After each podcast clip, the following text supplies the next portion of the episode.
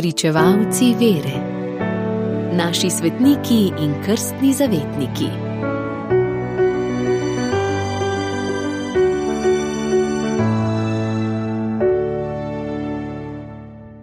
Če odprete knjigo dr. Nika Kureta, Praznično leto slovencev, boste izvedeli, da po ljudski veri sodijo svetniki, ki so na koledarju med 17. in 25. januarjem, med sredozimce.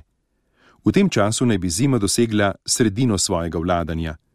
Sredozimci v ožjem pomenu so le trije: sveti Boštjan, sveta Neža in sveti Vincenc.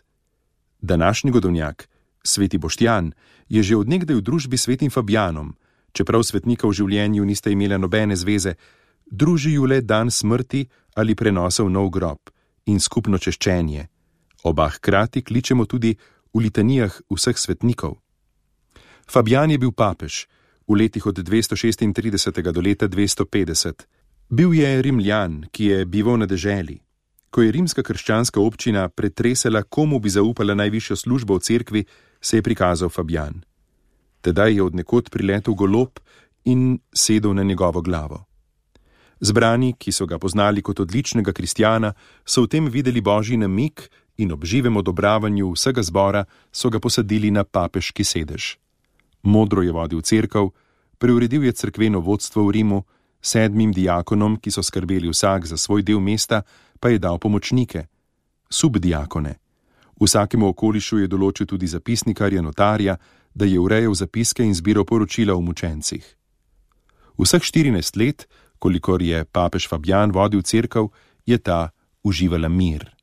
Leta 249 pa je zavladal cesar Deci, ki je napredujoče krščanstvo imel za državi nevarno in ga je hotel zatreti.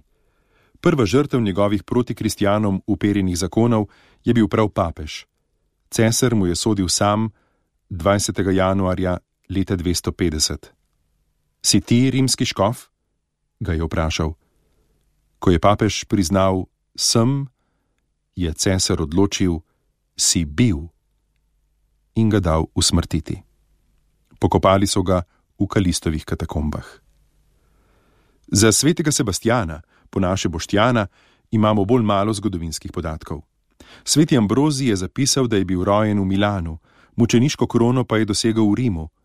Rimski kronist je leta 354 zabeležil, da je njegov grob ob Apijski cesti in da je nad njim zidana lepa crkva.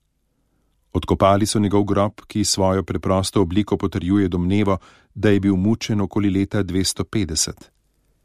Legenda, ki je bila napisana k malu po letu 400, ve povedati, da je bil Sebastian stotnik cesarske telesne straže in pogumen Kristusov vojak.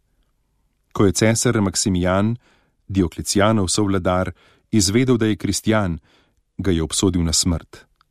Afriškim lokostrelcem je ukazal, naj Sebastiana gosto obstrele s puščicami, vendar ne v glavo ali v srce, ker je hotel, da umre počasne smrti.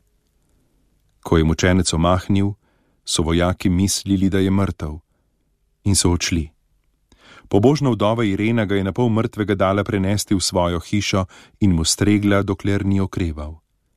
Ko se je spet prikazal pred cesarjem, ga je ta dal skoli pobiti.